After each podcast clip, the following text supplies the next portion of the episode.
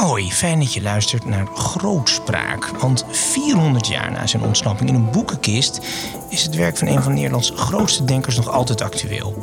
Vanuit Slot Loevestein is dit Grootspraak, de monddood-editie. Het is een podcast waarin ik, Jort Kelder, gesprekken voer in de geest van Hugo de Groot.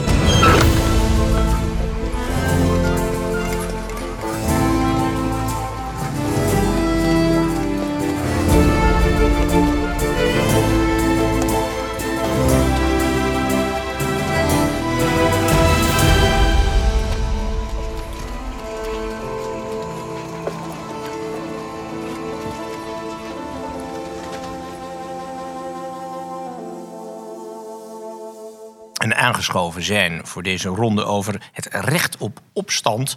Uh, natuurlijk uh, de grote biograaf Henk Nelle, uh, die ons inzichten zal geven in die 16e, 17e eeuw. hoe toen de opstand van de Republiek tegen Spanje werd gerechtvaardigd. Maar ook de opstandjes binnen de Nederlanden zelf natuurlijk. dan aangeschoven professor Menno Hurenkamp, hoogleraar burgerschap en humanisering van de publieke sector aan de Universiteit van, voor, eh, voor Humanistiek, moet ik mooi zeggen. En journalist Gert-Jan van Schoonhoven. Um, volgt eigenlijk de boze uh, burger, de, de onvrede in Nederland op de voet. voor wat ik nog altijd Elsevier noem, als je mij daarvoor permitteert. Uh, mag dat? Of mag dat van de Engelsen niet? Het mag van de Engelsen niet. Maar ja. voor mij mag het zeker voor deze gelegenheid mag het wel eventjes. Oké, we doen het dan gewoon stiekem. Uh, en zeker omdat het, we moeten dit in een opstandige sfeer natuurlijk dit gesprek voeren. Ik begin eerst even natuurlijk met jou, Henk, als we over opstand praten. Um, nou ja, we beginnen natuurlijk met gewoon de opstand van de Republiek tegen de Spanjaarden, culminerend in het plakkaat van verlating en in die 80-jarige oorlog.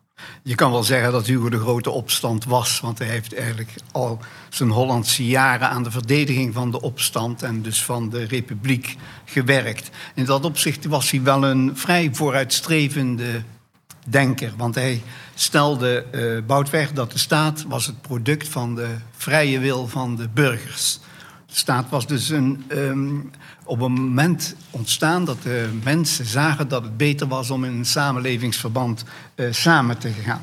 En hij zei ook heel duidelijk: de vorst die is er uh, voor de staat en het is zeker niet omgekeerd. Mm. Dat zijn twee principes waar hij van uitging toen hij bijvoorbeeld de opstand moest um, verdedigen en bijvoorbeeld het recht op buitmaken van uh, verdedigde tegenover de Spanjaarden. En je ziet dan dat die... Je bedoelt buiten, zoals bijvoorbeeld later na hem dan de Zilvervloot... wordt er gewoon met een kaperbrief Zeker. kregen ze dan... en dat was eigenlijk gewoon een vrijbrief om te stelen. Ja, hij zei gewoon dat de VOC uh, eh, zorgde voor een, een tweede front dat het front in Europa uh, ging ontlasten. Dus hij heeft die opstand wel degelijk op allerlei manieren ook theoretisch uh, verdedigd. Bijvoorbeeld ja. door in die eerste geschriften, want er is sprake van een zekere evolutie, maar in die eerste geschriften de monarchomagen te verdedigen. Dat was een theorie die kwam op in de protestantse wereld en die zei dat als een vorst uh, over de schreef ging, dan waren de regionen, de bestuursregionen onder de vorst, vorst die waren gerechtigd om mm. in opstand te komen. En die theorie werd breedweg in de Calvinistische wereld gehuldigd. En die heeft hij ook in de jure Praedai, dus in dat werk over uh, het recht op buitmaken, heeft hij dat gedaan. Ja. Naderhand is hij daar iets van teruggekomen, maar eh, toch niet helemaal, want hij kon natuurlijk zijn vroege werk, waarin hij de opstand verdedigde, kon hij niet verlogenen. Maar toen heeft hij veel sterker nadruk gelegd op het feit dat de staat bedoeld was om de publieke orde ja. en de rust te handhaven. Dat was prioriteit uh, uh, nummer één. En dan kwam het erop neer dat de staat ervoor zorgde dat de mensen uh, een comfortabel leven konden leiden. Dus het recht op leven en ook op een comfortabel leven. En dat krijg je door eigendom. Een comfortabel leven, eind 16e eeuw. Ik probeer me dit voor te stellen. Maar... Ja, maar dat is toch waar uh, politieke denkers ja, ja. voortdurend mee in de weer waren. En dat betekende ook dat het heiligdom eigenlijk, of het eigendom, ja, een heilige zaak werd. Werd dat aangetast, dan kwam ook de staat ja, ja. dicht bij de afgrond te staan. En um, die, daar ging het dus om in de Republiek. Daar verdedigde men zich mm. tegen Spanje. En dan kwam dat eigenlijk neer op uh, die twee fundamentele zaken: recht op leven en eigendom. En dat behoorde voor Hugo de Groot tot het uh, natuurrecht. Ja. En nu was het zo dat hij in het algemeen zei dat het recht van opstand, dat, was, uh, dat had je wanneer die natuurrechten die je van naturen mhm. gegeven waren wanneer die werden aangetast. Bijvoorbeeld doordat een vorst uh, privileges grond, uh, afspraken overtrad. En dan was opstand gerechtvaardigd. Maar, maar, maar, Henk, in die tijd, uh, vorsten, ze hebben zelfs tegenwoordig die pretentie nog. We zagen vorige week nog zo'n uh, scène in Londen, maar dat ze door God zijn aangesteld.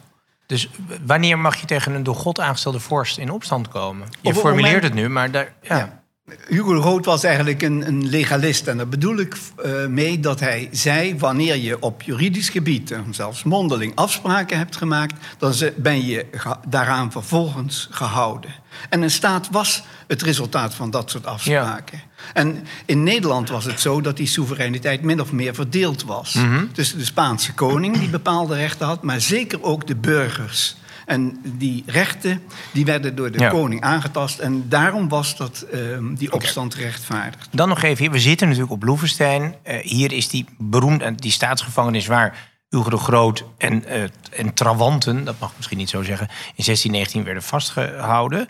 We zitten even, als je praat over opstand, is die periode natuurlijk al decennia na de opstand tegen de Spanjaarden. We zitten in het midden van die 80-jarige oorlog, maar eigenlijk in een soort pauzemoment in het bestand. Ja, in de periode van het twaalfjarige bestand. Ja. Want uh, de, uh, het was eigenlijk een uitputtingsstrijd. Ja. En geen van beide partijen kon het financieel mm -hmm. volhouden. En toen zijn ze in 1609 zijn ze onder leiding van Oldenbarneveld, de Neder Nederlands grootste staatsman, zijn ze uh, ertoe gekomen om de strijd tijdelijk op te schorten. Ja. Van een definitieve vrede kon geen uh, sprake zijn, omdat de Spaanse koning op verschillende gebieden geen enkele concessie wilde doen, met name de religie. Mm -hmm. Hij wilde de, het Calvinisme hier in die noordelijke gewesten niet getolereerd zien, omdat hij dat als een regelrechte ja. ketterij beschouwde. En wanneer je ketterij tolereert, dan ben je zelf ja. ketter. Maar, maar, Henk, was er nog discussie over, of misschien wel praktisch gesproken, of we weer moesten gaan knokken met de Spanjaarden? Want het kost natuurlijk geld.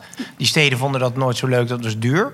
Maar was er een principieel probleem met die opstand toen nog? Dat was toen toch al wel bekeken, dat was wel juridisch verankerd. Nou, ik denk niet dat er een principieel probleem was... om eenvoudige reden dat de republiek... Uh, soevereiniteit wilde bereiken. Hm. Ze meenden dat zij uh, recht van bestaan hadden ja. als een zelfstandige staat. Werden wij door iemand erkend? Hadden wij diplomatieke banden? Hoe heet dat? Ja, zeker, want ja? Uh, alleen al de sluiting van het bestand... die werd bekrachtigd door uh, grootmachten als Frankrijk en Engeland. Ja, ja. En die erkenning betekende in feite al dat men de republiek als een politieke entiteit, een ja. zelfstandige politieke entiteit beschouwde. Ja. Dus dat is eigenlijk het eerste stapje geweest, mm -hmm. de sluiting van een bestand. Een essentieel onderdeel in de ontwikkeling naar volledige gelijkberechtiging op het. Europese toneel. Ik ga even naar de, de, de, onze andere gasten, naar Menno Hurenkamp, hoogleraar burgerschap. Um, hoe kijk je eigenlijk naar de burger in die 17e eeuw? Kijk je er überhaupt naar? Want wij kijken daar natuurlijk vaak, voor zover het nog mag, op een, nou ik zal niet zeggen trotse manier, maar wel op, ja, dat volk is toch in opstand gekomen. Een van de eerste republieken.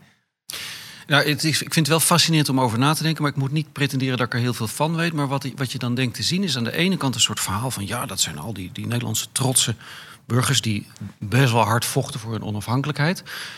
Maar als je dan twee keer leest, of als je in het werk van Simon Schama leest, dan lees je terug en dan, eigenlijk dat worden, worden al die verhalen achteraf geconstrueerd. Eigenlijk was Willem van Oranje helemaal geen redder des vaderlands. Dat werd hij pas gemaakt nadat hij dood was. Eigenlijk waren die Hollanders vooral een beetje kooplui die om hun eigen waar treurden. En zolang ze daar maar gewoon een beetje geld mee konden verdienen, dan vonden ze. En de 80-jarige oorlog is eigenlijk gewoon een belastingconflict. Nou ja, dus over de tiende penning. Dus zo kun je er, zo kun je er, zo kun je er ook naar terugkijken. Ja. En dan dus en als je dat dan weer een beetje door... Ik ben dus geen historicus, hè, dus ik nee. ga hier met heel grote stappen doorheen... waarvoor excuus. Maar als je dat dan doortrekt naar het gedrag van de Nederlanders... in de Eerste of Tweede Wereldoorlog... Ja, ja. dan denk je bij jezelf, nou, opstand, opstand, kom, kom. Ja. Dat, dat zijn ook niet de grootste helden die er ooit op, op Dit aarde volk. hebben rondgelopen. Wij zijn een volk van opportunisten. Nou ja, nee, handelaren. Ik, dit, dit, dit, citaat ga ik mij niet. Ja, handelaren, ja. Ja, ja, ja. Nou ja, goed. We, we, we handelden ja. zelfs op het hoogtepunt volgens mij van de, van de oorlog met de Spanjaarden. Gewoon met de Spanjaarden toch ook? Dus dat ging ja, gewoon door. Maar, maar, hoe dan ook, dus dan, dan, dan dat beeld van eh, Nederland als verankerd met de opstand. Dat, ja, ja. Dat, ik denk dat we dat wel een beetje moeten Het is een beetje, relativeren. denk ik, het 19e eeuwse heroïsche beeld dat geschapen is. Toen wij natuurlijk een nazistaat Nee, nee, nee, maar het begon al, het begon al door Hugo de Groot. Hugo de Groot heeft volgens mij al teruggekeken naar de Batavieren. Van, nou, dat waren ook uh, echte mannen die dan in zo'n kano hier afgezakt kwamen... en dan tegen de Romeinen gingen vechten Ja? en gedoe. Jij vindt Hugo de Groot eigenlijk maar een beetje een polemische proleet. Dat nee. allitereert wel, maar ik vind het niet. Er was natuurlijk um, sprake van. Maar een polemicus was het zeker. Een polemicus was het absoluut. Want anders had hij niet in die kist hier dat pand moeten verlaten. En ik kan ook bevestigen dat er sprake was van een geweldige mythevorming. Deels geconstrueerd achteraf. Ja. Maar toch kun je die periode natuurlijk als een geweldige uh, omslag zien. Mhm. Alleen in religieuze opzicht. Ik maak nu studie van de gebeurtenissen in Goes. En daar zie je bijvoorbeeld dat... De uh, gebeurtenissen in Goes? Ja, uh, onder Hugo de Groot was daar vanwege een predikantenruzie bij betrokken. Ja. En dan zie je dat die opgang naar die reformatie... die heeft geweldige uh, consequenties gehad voor de burgerij. Op slag was de katholieke godsdienst in een overwegend katholiek gebied verboden... En dan wordt de reformatie ingevoerd door een kleine uh, Gideonsbende... die mhm. eigenlijk langzamerhand die uh, godsdienst opdringt aan heel het uh, gewest. En dat, ja, dat alleen al, de religieuze veranderingen... die, ehm, die bewijzen eigenlijk dat het een, ja, een, een grote ops, omslag is geweest. Ja, Erken dat nou eens, professor. Nou ja, ik durf daar, niet, ik durf daar niet al te veel over te zeggen. Want ik, ik, ik de, gebeurtenissen in, de gebeurtenissen in Goes waren tot, tot, voor een één minuut geleden mij onbekend. Ja, dus, uh, maar belangrijk genoeg. Um, uh, Menno Hurekamp, toch even uh, door op jouw vak. en dan, nou, burgerschap is je, is je leerstoel. past opstand binnen burgerschap? Mag een goed burger in opstand komen? Nee, nee, Een goed burger moet, moet bereid zijn om in opstand te komen, absoluut. Um, als je op de website van de, van de VVD kijkt, dan wordt daarnaar verwezen naar John Locke. En John mm Locke zegt, een van de uitgangspunten van de, van de, van de grote liberale filosoof mm John Locke, is dat burgers het recht hebben om hun heerser aan de kant te zetten als die heerser hen uitbuit. Denk je dat de VVD dat nu al gaat, uh, een beetje van de site gaat halen, omdat het toch wel erg dichtbij begint te komen? Op het moment? Ik heb geen idee. Het, het, viel me op toen ik er eens even naar keek. Van, ja. uh, leunt men inderdaad nog op die, op die uh, revolutionaire theoreticus? En inderdaad. Uh, ja. Wij, wij, wij, voeren dit gesprek eigenlijk tegen de achtergrond van een jaar dat achter ons ligt. zowel kalenderjaar, maar laten we zo gewoon twaalf maanden terugrekenen. Vorig jaar rond dit moment ontstond de boerenopstand. Uh, het kabinet had natuurlijk een, een, een plan neergelegd, een, een, kaartje eigenlijk, waarin gezegd werd welke boeren uh, nou ja, wellicht uitgekocht moesten worden vanwege hun stikstofuitstoot. Toen is het begonnen. Toen gingen de mensen de straat op, de, de, trekkers vooral. het kabinet kwam in de verdrukking. En het is eigenlijk sindsdien, um, Gert-Jan, niet meer stil geworden. Je hebt veel stukken in Elsevier erover geschreven. Nederland is boos, het was ook de cover. Ja, en die, die cover is van 2019. Oh, die is van tweede. Ik dacht dan 23 had je hem weer nee, nee, nee, Dus dat oh. was de. Ik heb sindsdien ben ik erover blijven eh, schrijven. Maar die, die, uh, dat omslagverhaal, de burgers boos is van 2019. Ja. En viel samen met de uitslag van de statenverkiezingen, waarbij Forum uh, onder leiding van Baudet ja. de grootste werd. Ja. En uh, dat verhaal bestond uit uh, zes uh, diepte-interviews, zal ik maar zeggen, met, met mensen die boos waren op verschillende, verschillende thema's. Dat beeld dat opdoemde was eigenlijk is iedereen boos op iedereen op dit moment. Ja, en, en eigenlijk is dat beeld sindsdien ook wel bevestigd. En de boerenopstand is eigenlijk een van de bevestigingen daarvan. Ja. Want je zegt vorig jaar, maar dat, dat kaartje van de wal, dat is zeker de lont in het kruidvat geweest. Ja. Um, uh, daar is ze, wat ik ervan weet, ook intern wel voor gewaarschuwd. Doe het niet. Ze heeft het toch gedaan. Een PR-blunder eigenlijk, ja? Ja, of misschien wel de bedoeling om iets te, om iets te forceren. Dat ze ook nog Na heel 30 goed, jaar goed kunnen. Laten exact, we nu eens een trekken. Exact, niet helemaal onredelijk. Ja. Um, um, maar die, die boerenopstand was er eigenlijk, eigenlijk een, van de, een van de vele in een, in een, in een reeks. Als je, gaat, als je gaat terugblikken, zie je er wel meer. Je, je kunt zeggen dat COVID heeft ook zijn, um, zijn, uh, zijn, zijn opstandige taferelen met zich meegebracht. Ja. Uh, we ja, maar is door het establishment altijd afgedaan als wappies op het Malieveld. Ja, maar dan waren toch best veel wappies. En bovendien, er is sprake van een patroon. Kijk, we hebben 2015 de, de asielprotesten uh, ja. gehad. En, uh, en zo, als je, daar, als, je die, als je dat op een rijtje zet, kom je eigenlijk tot best veel uh, protesten. Ik ben veel in Oost-Groningen, of een aantal keren in Oost-Groningen geweest de ja. afgelopen jaren, waar je de, de windmolenprotesten. Nou, dat mm -hmm. is echt, als je het hebt over een opstand, dat was echt een opstand. Ja, een, een Met een leider die, die vastgezet de... werd op ja. verdenking van, uh, van de bedreigingen, et cetera. Dus. Interessant is dat dat nou zo'n opstand is die eigenlijk in de, in de pers, in het Westen, ook in Hilversum, televisie minder doorkomt. Ja, Dat vinden we eigenlijk provinciaal geprut voor de windmolens waar we zo voor zijn. Ik citeer. Hè? Eh, Tot ze, tot ze Amsterdam bereikten. Ja. eh, eh, Ja, er is nu een conflict ook in Amsterdam over. Ja, zeker, ja, En nu zeker, is de ja. VPRO betrokken en nu is, nu is het. Absoluut, absoluut. En, en, en ik, ik, dat, dat heeft iets heel... Ja, ik, ik, ik heb twintig jaar in Groningen gewoond, dus ik Ja. heb veel sympathie voor de Groningers. Maar Ja. de, ik, ik, daar zijn ze boos over. Je snapt hun achterstand. Ja, dat snap ik wel. Want Ja. die, eh, ehm, kijk, die, die windmolens in Oost-Groningen zijn daar neergezet als gevolg van het energieakkoord. En het energie- energieakkoord is dat. De uitvoering daarvan was echt fundamenteel anders dan met de energietransitie nu. Ja. Dus veel minder democratisch. Crisis en herstel werd gewoon ja, ja. van top-down opleggen. Hadden die mensen opeens 200 meter hoge windturbines in hun tuin. Ja. En dat is geen geintje. Eh, en ja, daar was eigenlijk geen... ehm, onder het mom van, ja, het is daar toch leeg. Het is de veenkoloniën. En die boosheid daarover... Nou ja, en het ingewikkelde bij die windmolens is natuurlijk dat dat voor het goede is, vindt men Ja. dan. Want ja, dat we willen toch de wereld redden. Wil jij de wereld dan niet redden? Ja, maar inmiddels zijn de inzichten daarover wel veranderd. Eh, en is toch ook het, de, de- het idee populairder dat je, dat je bijvoorbeeld op zee, eh, Ja. dan de Noordzee, Grotere, naar, naar, naar, naar, Maar goed, dat, dat gaat te veel op zeg maar, techniek in voor nu. Ik wil eigenlijk aan jou vragen, als ik jouw stukken optel... en het laatste stuk las ik, meen ik ook weer te lezen... dat 20% in Nederland inmiddels bereid is om ja, eigenlijk, nou, een staatsgreep uit te voeren. Die vindt eigenlijk dat de regering afgezet moet worden. ja, dat is Dus los van het feit dat de meerderheid vindt dat de regering weg moet... maar dat is dan nog met verkiezingen... maar de rest vindt eigenlijk ook... of het is een groep die zegt, ze moeten gewoon eruit gegooid Ja, er is, er is, Ze moeten hier de staatsgevangenis Ja, er is een onderzoek waar ik heel veel aan gehad heb de afgelopen jaren. was onderzoek dat voor COVID eh, al gepubliceerd was op basis van enquêtes. Eh, was dat, dat eh, dus, eh, o- eh, Groningse onderzoekers in opdracht van het WODC zeiden: 1 op de 5 Nederlanders, eh 1 op de 3 Nederlanders is, vindt dat eigenlijk dat dit stelsel, deze regering, deze overheid omvergeworpen moet worden. Ja. En 1 op de 5 vindt desnoods met geweld.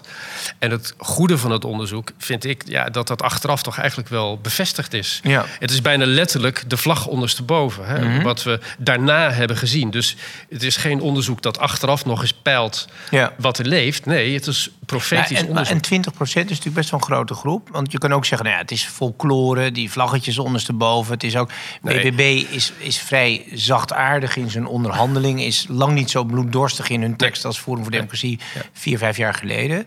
Dus het lijkt ook, hoort er misschien een beetje bij. Ik weet niet, gaat het echt zo diep dat men een Nou ja, dat- hand... Ja? De, de, de- het inzicht daarover is dat er, dat er, dat blijkt ook wel uit bijvoorbeeld het SCP-onderzoek, Sociaal en Cultureel Planbureau, hè, dat, die, dat peilt al vrij lang Mhm. Ja. dat er een vrij fundamentele onvrede is over de inrichting van Nederland met de Nederlandse overheid.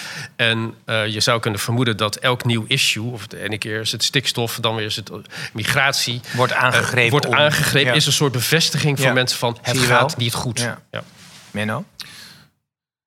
Nee, het gaat ook niet goed. Maar kijk, Nee? de- Waarom gaat het niet goed? We zitten in alle goede statistiekjes. Ja, Rijkste nou, kijk, land, gelukkigste kinderen, Maar dus dat, kijk, geen dat is, armoede. Dat is van belang om even, als we uitzoomen, te kijken van Nederland rapporteert ook eigenlijk altijd het happy, meest happy land te zijn ter wereld. Met de meest happy Hoe je het ook meet, maar oké. En, en dus je moet bij alle vragen, bij al dit, dit soort vragen moet je altijd een beetje stellen. Ja, menen mensen dat nou helemaal?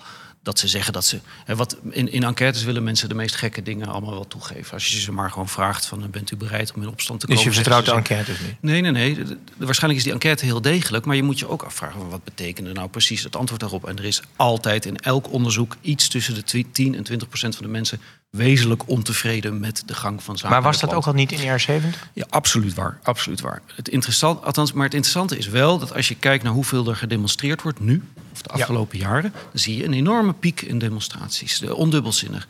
En wat ik denk dat er voor een deel gebeurd is, is dat ehm, het, het, de praktijk van het demonstreren was een heel links ding. En dat is. Conservatieve partijen hebben dat overgenomen als een soort uitingsmiddel. Dus ik denk eerder dat we, wat we beleven de emancipatie van de rechtse kiezer is. Dan Ja. dat we wat we beleven de, de, de, de- een boos Nederland is. Mensen hebben opeens ontdekt van... hé, hey, als je naar het Malieveld gaat, word je gehoord. Hé, hey, als je met spandoeken over de snelweg gaat lopen, dan word je gehoord. En wij kunnen dat zelfs met trekkers. Nou, dan komt dat even goed uit. Ja. En dat was een praktijk die heel lang natuurlijk het eigendom is geweest... van progressieven die een heel andere kant op wilden. En nu wordt dat langzaam uitgesmeerd over het hele land. Dus Ik denk eerder dat, Ja? dat dat de juiste manier is om te duiden wat Dus we het is zien. emancipatie van rechts, van conservatief. Ik denk dat het, veel, ik denk dat het bre- breder is dat het de emancipatie van de burger is. Eh, en uh, dus een erg, erg knap goed boek van Nico Koning uh, verschenen twee jaar geleden, filosoof, over de, de, dat heet De Waarde van Woede. En hij bekijkt het eigenlijk al vanaf uh, de Trojaanse oorlog. Uh, en zijn, zijn stelling is dat, uh, dat, dat woede is altijd het voorrecht van de goden geweest. En de, de, de, de, de aristocraten en de En eigenlijk uh, was dat iets, was woede niet iets wat weggelegd was voor uh, de, de, de, individuele burger. En pas, pas nu maken we een veel bredere emancipatie mee van, uh, van dat burgers zelf zeggen: woede is voor ons een manier ja. om macht uit te oefenen en om, om invloed Het heeft ook iets um, wanhopigs. Als je naar het Malieveld moet op zo'n druilerige dag en dan de M1 nog in je nek. Ja, maar Of kijk eens, juist heroïsch? Maar kijk eens hoe effect, effectief het is. Hè? Dus, dus je kan niet. zeggen dat, dat, aan, bijvoorbeeld de winst van, van BBB... eh, eh, een jaar of twee jaar van protest vooraf is gegaan. Ja. Vlaggen ondersteboven. Vervolgens komt er een uitslag waarbij die partij... die toch op, de- op, op de golven van die boosheid... Zeker. Groot, de grootste partij van Ja. het land is, eh, Ja. is geworden. En de vlaggen gaan, om, gaan weer om. Maar het interessante is, vaak aan jou, Menno, er zijn eigenlijk twee grote protestbewegingen. Jij zegt net de, de rechtse emancipatie, op een bepaalde manier. Je hebt aan de ene kant eh, natuurlijk die BBB, de, de anti-regeringsbeleid, noem maar op. Eh, niks deugt wat ze in, de, in de coalitie doen. Nou, dat staat op Malieveld. De boeren zijn daar het meest visuele eh, onderdeel van. Aan de andere kant heb je Extinction Rebellion... Die eh, private jets eh, vastketenen, die ook daar op, datzelfde, op, die, op diezelfde Utrechtse baan liggen iedere keer. Ehm, dat zijn totaal verschillende clubs, maar het ziet er ergens ook weer hetzelfde uit. Nee, nee, nee, maar ze bedienen zich natuurlijk van dezelfde strategieën. En, eh, en ze bedienen waarschijnlijk allebei ongeveer 20% van de kiezers. Ja? Give or take. Ehm, en, Maar is eh, dat fundamenteel en- en- nu en soms- anders dan het vroeger was? Want er is altijd onvrede over regeringen. Er is absoluut altijd onvrede over regeringen. En in die zin moet je af en toe, als je praat over is Nederland boos of niet, moet je ook gewoon de cijfers erbij nemen. Maar Nederland is ook heel tevreden. Nederland is ook heel welvarend. Als je naar de, dus de, die, die, die klassenstudie die het eh, Sociaal en Cultureel Planbureau eh, onlangs uitbracht kijkt, Ja? dan zie je dat, ja, dat daar toch vier groepen geïdentificeerd worden met wie het eigenlijk redelijk gaat. En Ja. dan twee groepen die tamelijk kwetsbaar zijn.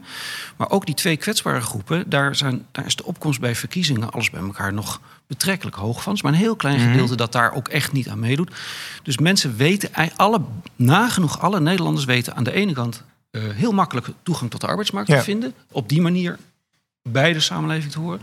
En nagenoeg Meer dan 40, 50 jaar geleden. veel meer, oneindig veel meer. Zeker. En nagenoeg alle Nederlanders weten ook hun weg naar het eh, electorale stelsel te vinden. Ja. Dus, dus de, de percentage is hoger dan toen we nog een eh, opkomstplicht hadden. Van mensen dat Inmiddels, meedoet ja. aan de Tweede Kamerverkiezingen. Ja.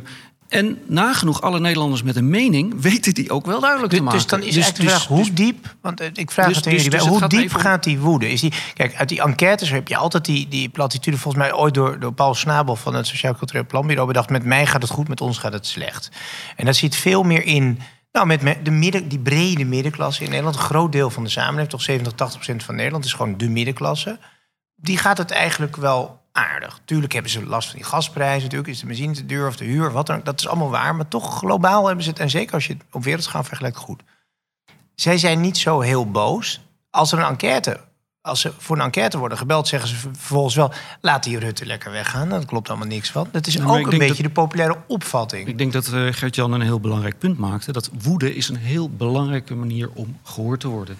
Ja. Je wordt niet gehoord als je een gematigd standpunt hebt. Het gaat, Je wordt- het gaat je- wel goed. Je wordt, Nee, je, dat- je wordt, niemand luistert naar je als je, als je iets kabbelends... Je, je moet je stevig maar, maar zijn ze in die En het is- Gert-Jan, vragen ze door? Wat zit er echt onder? Wanneer kom je dan in opstand? En wat is die opstand dan? Eh, Is dat nou, gewapend? Of is dat... Daar, daar, daar vragen ze Ja. niet- zozeer. Dat is, dat is een, goed, een goed punt. Eh, Ik, denk- ik denk dat Menno gelijk heeft. Het is instrumentele woede.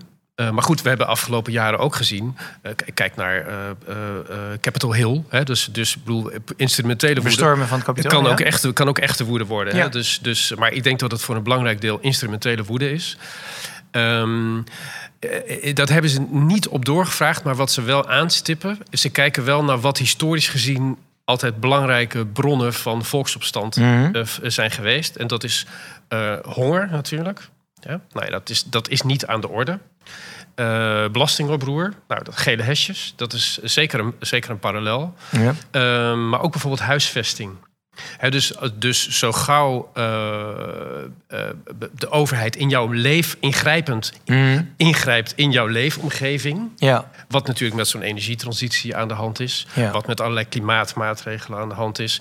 Uh, de woonopstand zie ik eigenlijk ook wel passend in dat soort. in die, in ja, maar het is interessant, die woonopstand. Dat zijn eigenlijk alle millennials die klagen natuurlijk heel hard. snap je ook? Als je het generationeel bekijkt, heeft de, de huidige millennial, zeg maar de dertigers, die hebben ongeveer 10% punt minder eigen huizen dan hun voorgangers. Dat is dus van, van ongeveer 50% naar 40% teruggezakt. Even heel grof gezegd.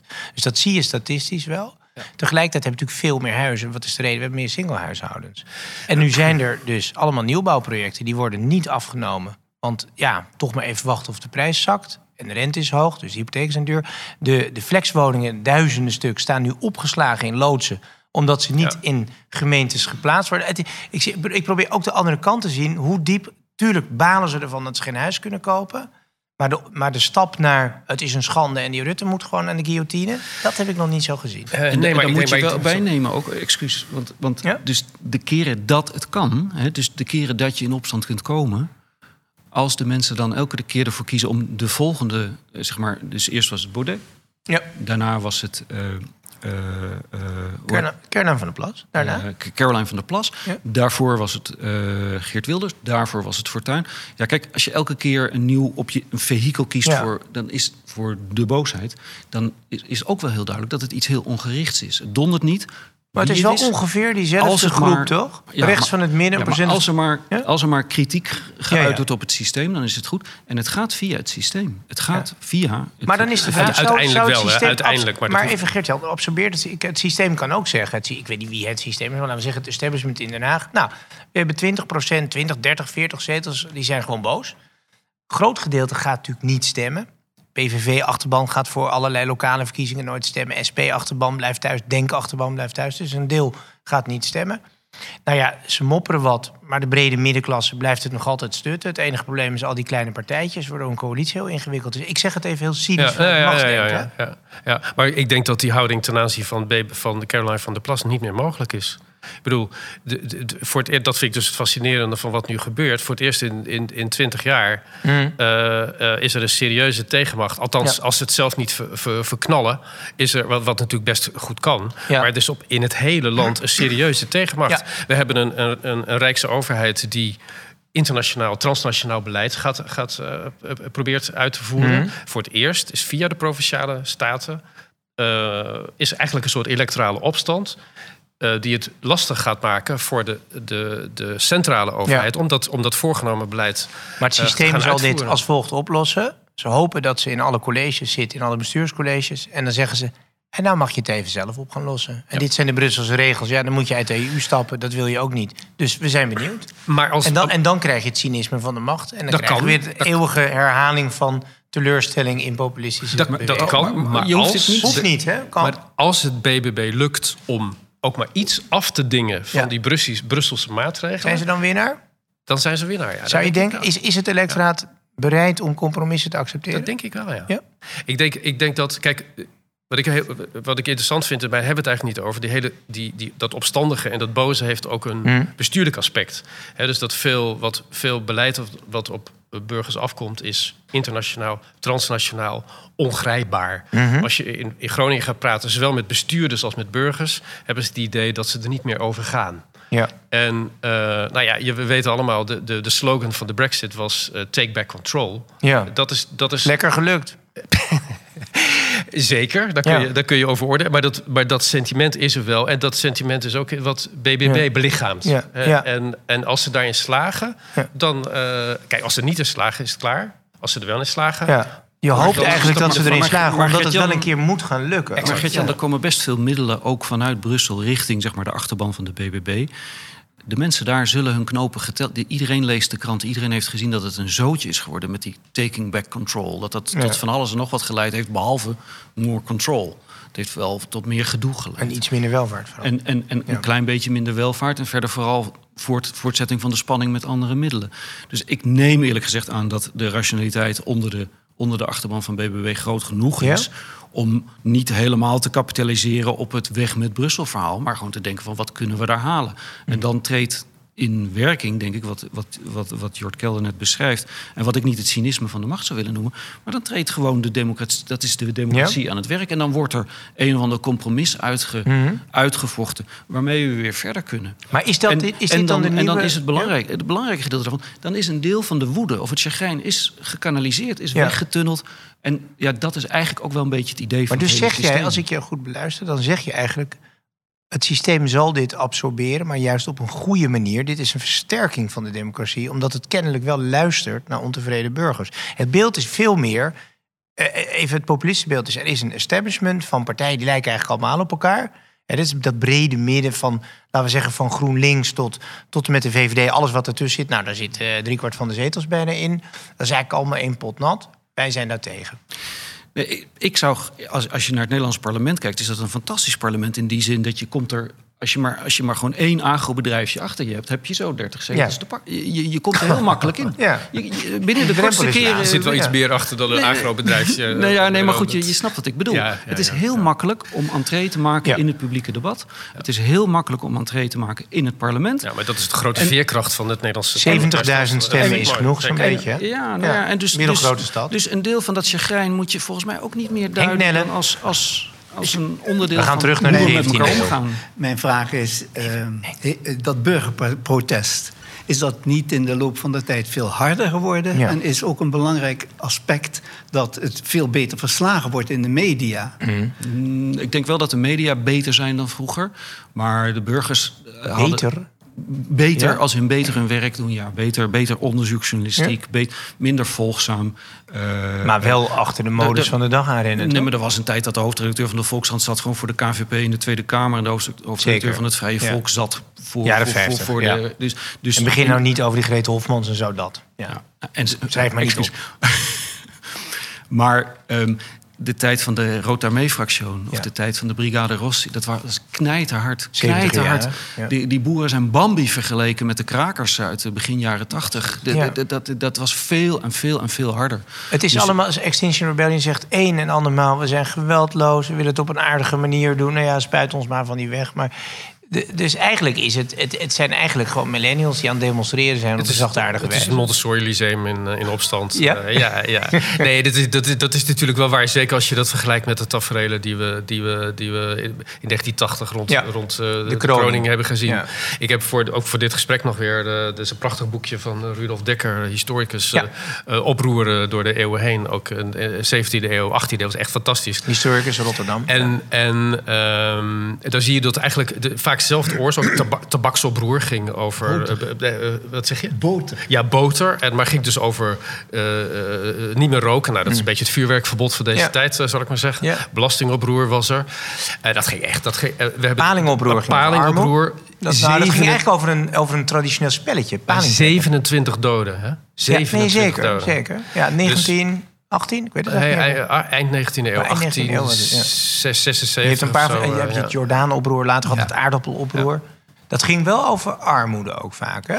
Nou, ik las, ik dus, ik, dat, dat kan meneer Nelle vast bevestigen of ontkennen... maar ik las dat er eigenlijk in, in de Republiek heel weinig hongeroproer is geweest. Want we waren toch vrij rijk.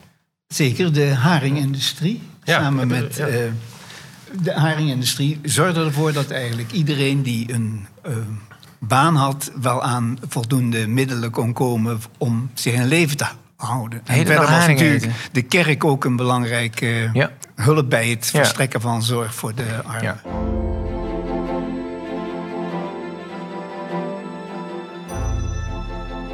Misschien kun jij even nog belichten in de 17e eeuw. Je had natuurlijk, dat is ook de tijd van de pamfletten. Eh, grote rol gespeeld in de tijd van de gebroeders de Wit... maar ook al in de tijd van de Groot, Olde- Oldenbarneveld. Dat zouden we nu eigenlijk sociale media noemen. Er was veel fake news, er was veel onzin... maar dat speelde een enorme rol. Zeker, die pamfletten die zijn eh, goed overgeleverd ook. Er waren al in de 19e eeuw verzamelaars die die bijeenbrachten. Je hebt nu in de Koninklijke Bibliotheek de Knuttel pamflettenverzameling. Duizenden pamfletten die Ja. een heel belangrijke historische bron zijn geworden. Ja. Eigenlijk nieuwe technologie. Nou, het dru- het boekdrukkunst bestond ook al een tijdje... maar eigenlijk een manier van verspreiden... die ze volgens mij op de trekschuiten vaak lazen... Het, het is toch eigenlijk niet anders dan TikTok, Twitter van nu? Ja, en een primitief Ja, stadium. Ja, ja. Maar goed, eh, speelde het een, speelde het, was het uh, gerommel op de achtergrond, was het, was het belangrijk? Uit, kijk, in die, in die, uiteindelijk die Linspartij van de Gebroeders de Wit, 1672, dan zie je dat het echt een rol heeft gespeeld. Heeft het ook bij de groot, bij, zeg maar de remonstranten tegen de, of eh, laat ik zeggen, de, de oranje gezinden tegen de... eh, Zeker, want Hugo de Groot zit ook in die pamflettenverzameling Ja. met verschillende bijdragen. Ja. Dus het was inderdaad een heel belangrijk medium. Het was ook zo dat de geletterdheid in de Republiek heel hoog was. Mhm. Iedereen die kon die dingen kopen en lezen en doorgeven. ja. En men, rekent, men heeft wel proberen onder, te onderzoeken hoe, in hoeverre zo'n pamflet nu gelezen werd door hoeveel personen. En dan kun je toch wel constateren dat dat het een heel belangrijk eh, middel is geweest in het beheersen of in het beïnvloeden van de publieke Maar, opinie. maar dan, is het, toch de, dan Ja. is het toch de moeite waard om daar even stil bij te staan bij hoeveel mensen het lazen. Want de- het drama van sociale media is natuurlijk dat 9 van de 10 keer mensen helemaal niet lezen wat er aan de hand is. Maar dat wordt gewoon allemaal rondgeslingerd. Ja. Niemand neemt de moeite om nou precies te kijken van wat zegt die figuur. En wat nou? voor bron ligt erom? En wat voor liggen Ja. dan wel? Nee, dit voelt als mijn partij, dus daar ben ik voor. Of dit voelt Ja. als mijn tegenstander. Facties dus trekken ik tegen elkaar tegen. op. Dat is wel van een andere orde, zou, zou ik Ja. denken. Eh, dus ik, ik vind de vergelijking reuze interessant, maar ook wel heel losjes. Gert-Jan? Nou, ik wilde zeggen dat er wordt heel vaak gemopperd op sociale media. Ehm, Nico Koning, die ik er straks noemde, die zegt het is juist heel goed. Want die sociale media, die kanaliseert heel veel woede... en voorkomt in die zin heel veel Nou, fysiek geweld. kanaliseert, alsjeblieft. Nou ja, ik, ik, eh, de kanaliseren is misschien niet het goede Komt toch ook net maar, maar het, het is, heeft wel een ventielfunctie voor woede. ja, Hè, het dus is wel nodig. Ja, en, en het voorkomt Is dus dat ook misschien omdat andere opstanden. Kijk, in het parlement hebben we natuurlijk vaak klacht van... ja, er komen 20, 21 fractievoorzitters eindeloos lang debatteren. Hup, komt weer van wantrouwen. Ik geloof dat de laatste twee kabinetten Lubbers of eh, Rutte... hebben meer moties van wantrouwen gekregen... dan de hele parlementaire geschiedenis daarvoor. Eh, dus maar dat zijn ook eigenlijk wanhopige gebaren. Want ze weten voordat ze hem indienen... bij- van tevoren al eigenlijk dat hij het niet haalt.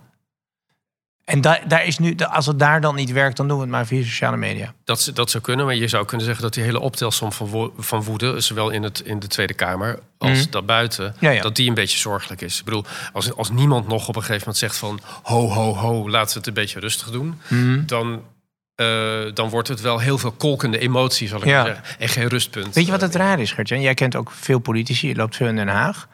Als je zo met ze spreekt, even zonder microfoon... zijn het allemaal zeer redelijke mensen. Ze kunnen vaak ook met elkaar goed overweg. Gaat die camera aan...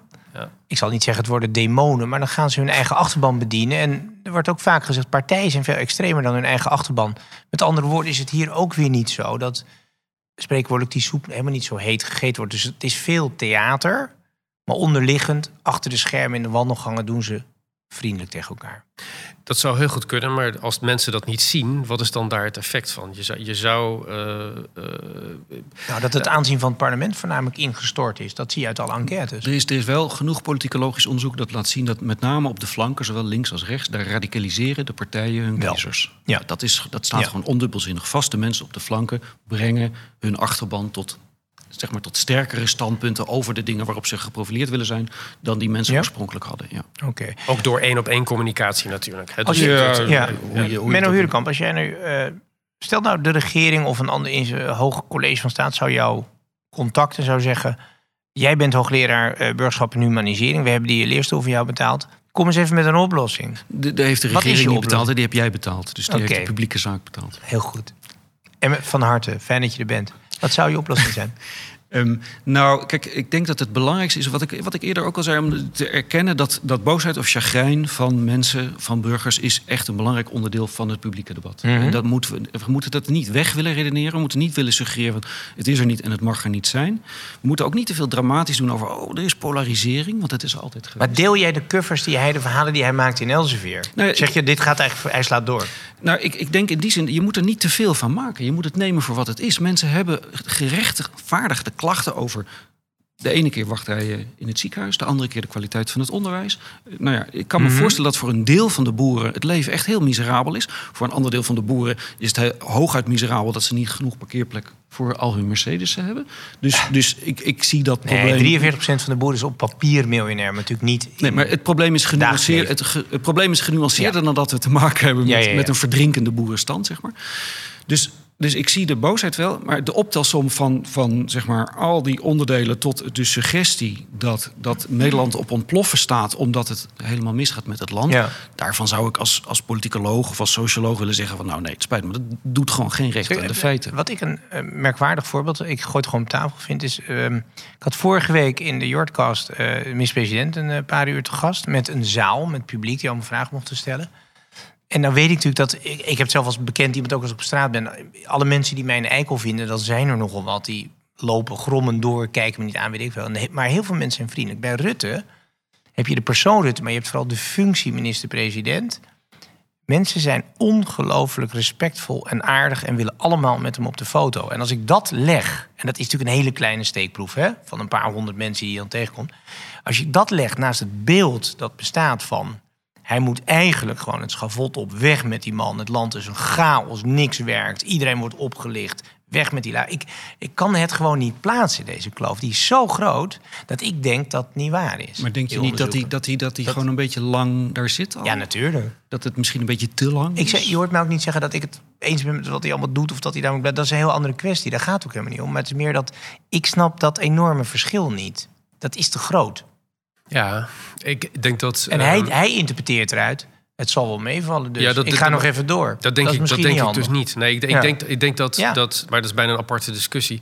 Eh, eh, Wat wel eens een van de problemen van het politieke stelsel van nu zou kunnen zijn, is het gebrek aan tentakels. Voor wat er speelt in de periferie, in verschillende bevolkingslagen. We hebben data, we hebben onderzoeken. Ja, ja. Maar hebben we nog partijen die echt in de, in de haar... We hebben veel niche-partijen. Ja. En we hebben een fantastisch flexibel systeem dat, dat, dat, dat echt als een barometer kan, kan functioneren. Mm. Maar hebben nog echt, we hebben geen, nauwelijks nog grote volkspartijen die verschillende lagen van de samenleving met elkaar verbinden. Hebben we nog wel echt tentakels in de samenleving. En, en ik, de paradox die je schetst, die, die, die, her- die herken ik natuurlijk. Maar je zou kunnen zeggen dat veel mensen zich niet gezien worden, eh, voelen in hun Ja. reële problemen. Dus op het moment dat ze dan in contact komen met de premier, dat zag je in, in Groningen, in dat hele bevingsdossier. op het moment dat de bewindslieden eindelijk komen, dan is dat. Eh, dat hele opstandige Ja. sfeertje, dat, dat ebt ook weg. Dus mensen willen ook gezien worden door. Willen hun- serieus door- genomen worden. serieus en, en laten we ja. wel wezen, de bureaucratie heeft ook grootselijk gefaald op Ja. een aantal punten. Toeslagen, Groningen, noem maar op. Dan zie je hoe het gaat. Tegelijkertijd zou je ook kunnen zeggen, om even tegen de raad te zijn... Ja, die overheid belooft te veel. Kijk, in de 17e eeuw werd niet zoveel beloofd, want ze konden ook niet zoveel. De staat was natuurlijk veel kleiner. Toen, we hebben het vorige keer over Thorbecke gehad in, in, in, in deze podcastserie. Die deed het met een paar honderd ambtenaren. Dat was het hele overheidsapparaat, los van het leger. En nu hebben we een overheid die pretendeert... als u een probleem hebt, dat gaan wij fixen. En dan worden ze er ook op aangesproken. Dus ze hebben de mensen ook wel veel eisend gemaakt. En die Misschien is dat onvermijdelijk. Maar, maar, maar misschien moet je toch even terugstappen. Ja. Zeker waar het gaat bijvoorbeeld om die toeslagenaffaire of het boeren in Groningen. Dat is niet te veel beloven. Dat is gewoon echt heel slecht leveren van basiskwaliteit van bestaan. Dat je mensen op die manier naar de marge drukt en ook daar vasthoudt. Dus, dus, Ja, maar nou zeg je dat. Maar dat geef ik een toeslag. 7 miljoen gezinnen hebben een toeslag. Het is in 30, 40.000 gevallen verkeerd gegaan. Schandalig genoeg. Maar percentueel valt op een bepaalde manier gezien de bureaucratie nog wel mee. Nee, mag je waar- niet zeggen. Nee, waar gehakt wordt vallen Spaanders. Maar er zijn wel varianten van Spaanders. Ja. En, en dus, dus ik Ja, zou volgens mij zelf... zat het er vooral in dat en de rechters en alle instituten keer op keer bijna ijzeren heinig vasthielden aan hun eh, nou, in ieder geval morele ongelijk. Dat was natuurlijk wel het probleem hier. En ik denk dat het uiteindelijk voortkomt uit hetzelfde wat Gert-Jan ook beschrijft. Is dat, dat de, het, de, de vanzelfsprekendheid waarmee inderdaad de verschillende delen van de samenleving ooit vertegenwoordigd werden in het parlement. Ja. En daarmee ook in de rijksdiensten. Hmm. Die is, een beetje weg, die is natuurlijk een beetje weggeëpt. Maar is dat een technocratie, een academici? Maar is dat ooit anders geweest? We werden vroeger in de tijd van Henk... Nou, ik zeg niet Henk dat jij de 16e eeuw bent hoor... maar, maar we werden echt door een regentenkliek... Rutte is gewoon een jongen uit de middenklasse. Maar ten tijde van de opbouw van de verzorgingsstaat en ten tijde van de, zeg maar, van de opbouw van de, Ja? van de Nederlandse parlementaire democratie, laten we zeggen de lange 20e eeuw of iets in die trant, of de korte 20e eeuw, was het veel vanzelfsprekender dat de mensen die het woord voerden namens een bevolkingsdeel, Ja. Dat bevolkingsdeel ook daadwerkelijk op zaterdagmiddag spraken. Het zij, Ja, ja. het zij in het café, het zij op het hockeyveld, het zij ergens eh, onder Dus de jij zegt er is een kaste van bestuurders, politici... Nou ja, elite is- klinkt altijd meteen een beetje complotistisch, maar Elite zou ik zelf nooit gebruiken, maar het is ondubbelzinnig zo dat, dat, dat het besturende deel van Nederland Mhm. heeft veel meer moeite om een doorlopend gesprek met de samenleving Maar, te maar dat, bijvoorbeeld een partij die dat absoluut fantastisch doet al sinds zijn oprichting ongeveer is de SP. Het enige wat we zien bij de SP gaat echt de wijk in, zorg, noem maar op, heel dicht bij de mensen. Alle SP'ers moeten activisten zijn zo ongeveer. Het levert ze in ieder geval de laatste zeven verkiezingen niets op. Nee, maar kiezers, Worden daar niet voor beloond? kie- Kiezers willen ook dat je een winnende claim hebt. Kiezers Ja. willen ook dat je... Ja, ze zijn nooit aan de macht natuurlijk, Henk. Maar hoe ging dat? In 17e eeuw waren mensen ook boos, maar misschien niet per se op de regering of zo. Of hoe zat het toen? Ik Was er iemand boos dat hij niet tevreden had? Ja. Dat zal zeker gebeurd zijn, maar er was inderdaad een, een, een, een aristocratie die eh, door cooptatie zichzelf in stand Mhm. hield. En dat bleef functioneren, afgezien van tijdelijke Ja, door repressie. Er waren eh, draconische straffen. Je, je had niet in opstand te komen. Nee, dat was inderdaad moeilijk. Ja. Joost, je moet een slotwoord. Ehm, uiteindelijk is de vraag natuurlijk altijd... komt het tot een echte opstand? Wat verwacht je, Gert-Jan? Als ik jouw verhalen lees, is die bijna onvermijdelijk. Het heeft nog een aspect, hè, wat veel macht ligt buiten Nederland. Ik bedoel, opstand in feite een echte machtsomwenteling. Nou ja, hè? kijk, als je, als je, als je kijkt naar wat, wat zich voltrekt... en ook kijkt, als je kijkt naar historische parallellen... dan vind ik het enge dat we op dit moment... we zitten in een oorlogssituatie. Levenskosten, onderhoud eh, gaat enorm omhoog. Dat zal leiden tot hogere belastingen. Ehm, dat zijn wel klassieke factoren eh, die opstanden eh, bevorderen. Dus ik Ja. heb het idee dat we er eh, middenin zitten... Eh, en dat we dat nog niet goed kunnen overzien. Wat jij zegt over de millennials en hun huisvesting. Ja, dat, ik, dat, is, dat, is, wel, dat is natuurlijk bloedserieus. Als je in, een, in zo'n belangrijke levensfase tussen je twintigste en je dertigste... je eigenlijk niet kunt settelen. Ja. eh, dat, dat is zo ingrijpend voor je hele... Voor je, Bij je ouders thuis moet blijven wonen. Ja. Nou ja, is- dus, dus ik vind wel dat er sprake is van een, van een optelsom... eh, van, eh, van onheilspellende factoren. Ja. Professor, ook? Ehm, er zijn absoluut veel verschillende problemen aan te wijzen. Maar de vraag die dan relevant is, is tellen, die, tellen de mensen die balen van de woningmarkt... tellen die op bij de mensen die balen van het stikstof... tellen die op bij de mensen die balen van de inkomensverdeling. En ik denk eerlijk gezegd dat dat te veel door elkaar heen loopt... om daar nou een, een, zeg maar een groot marcherend leger van opstandelingen op te projecteren. Ehm, hoezeer ik het ook, eh, zeg maar, hun, het individuele leed allemaal eh, zou willen erkennen... ik denk, denk toch op de een manier, het gaat voortkabbelen. Dit is ontzettend Je zou eigenlijk met de beroemde woorden van Colijn willen sluiten. Voor Hans is er geen enkele reden Je om... hebt echt eh, een abonnement op mensen vervelende quotes in de mond te leggen. Nee, ik wil zeker niet door Colijn geciteerd worden. Absoluut niet. Gaat u rustig Weigeren. slapen. Ja. Eh, Zeker niet rustig gaan slapen. Lang leven Extinction Rebellion. En ik hoop dat ze zich allemaal nog heel vaak met hun hoofd aan de snelweg En ook een beetje geweld of niet? Een heel klein beetje geweld, een heel klein beetje geweld. Zullen alle mensen die in Mhm. sociale bewegingenstudies zitten... zullen zeggen dat een heel klein beetje geweld... en dat heeft Mahatma Gandhi begrepen... Ja. en Rosa Parks had dat begrepen. Maar een heel klein en Lev beetje, Tolstoy had dat, de pacifist Lev, Lev Tolstoy. Ieder, zij hebben dat allemaal begrepen. Ja. Er moet af en toe even geduwd en getrokken worden om gehoord Ja, ja. te worden. Maar is het burgerlijke ongehoorzaamheid of is het dan geweld? burgerlijke ongehoorzaamheid, Ja, want ja. je erkent het wezen van de rechtssysteem... je erkent alleen niet de letter van de wet. Ja, ja. Oké, nou, ik, we zijn benieuwd of we hier over vijf jaar nog zitten. Of dat we. Misschien zitten we dan wel hier op het slot, omdat het nog de enige veilige plek in Nederland is. waar de brug opgetrokken is. terwijl de opstand buiten ons gaande is. Ik dank voor nu natuurlijk ehm, eh, mijn ik mag zeggen Henk Nelle, de. eh grootjes, biograaf dan ehm, professor Menno Hurenkamp, hoogleraar burgerschap en humanisering van de publieke sector aan de Universiteit van, voor Humanistiek te Utrecht. Utrecht. Utrecht, hè? ja. En dan natuurlijk journalist van Elsevier, Gert-Jan van Schoonhoofd. Voor nu, dank. En dan zeg ik, een tikje plechtig, dank voor het luisteren. Want dit was Grootspraak, de mond-dood-editie. Een podcast van de stichting Vrienden van Slot Loevestein. Een podcast productie en naar een idee van Frank van Horen. Redactie, Pieter Willemsen. Techniek en montage, Frederik Middelhoff. En de muziek is, wederom, van Toon Vieira. Met dank aan voorzitter Stefan Bergman van de stichting Vrienden van Slot Loevestein. En abonneer je nou even op die podcast, zodat je in de toekomst niks hoeft te missen. Zeggen wij dank en leven de vrijheid.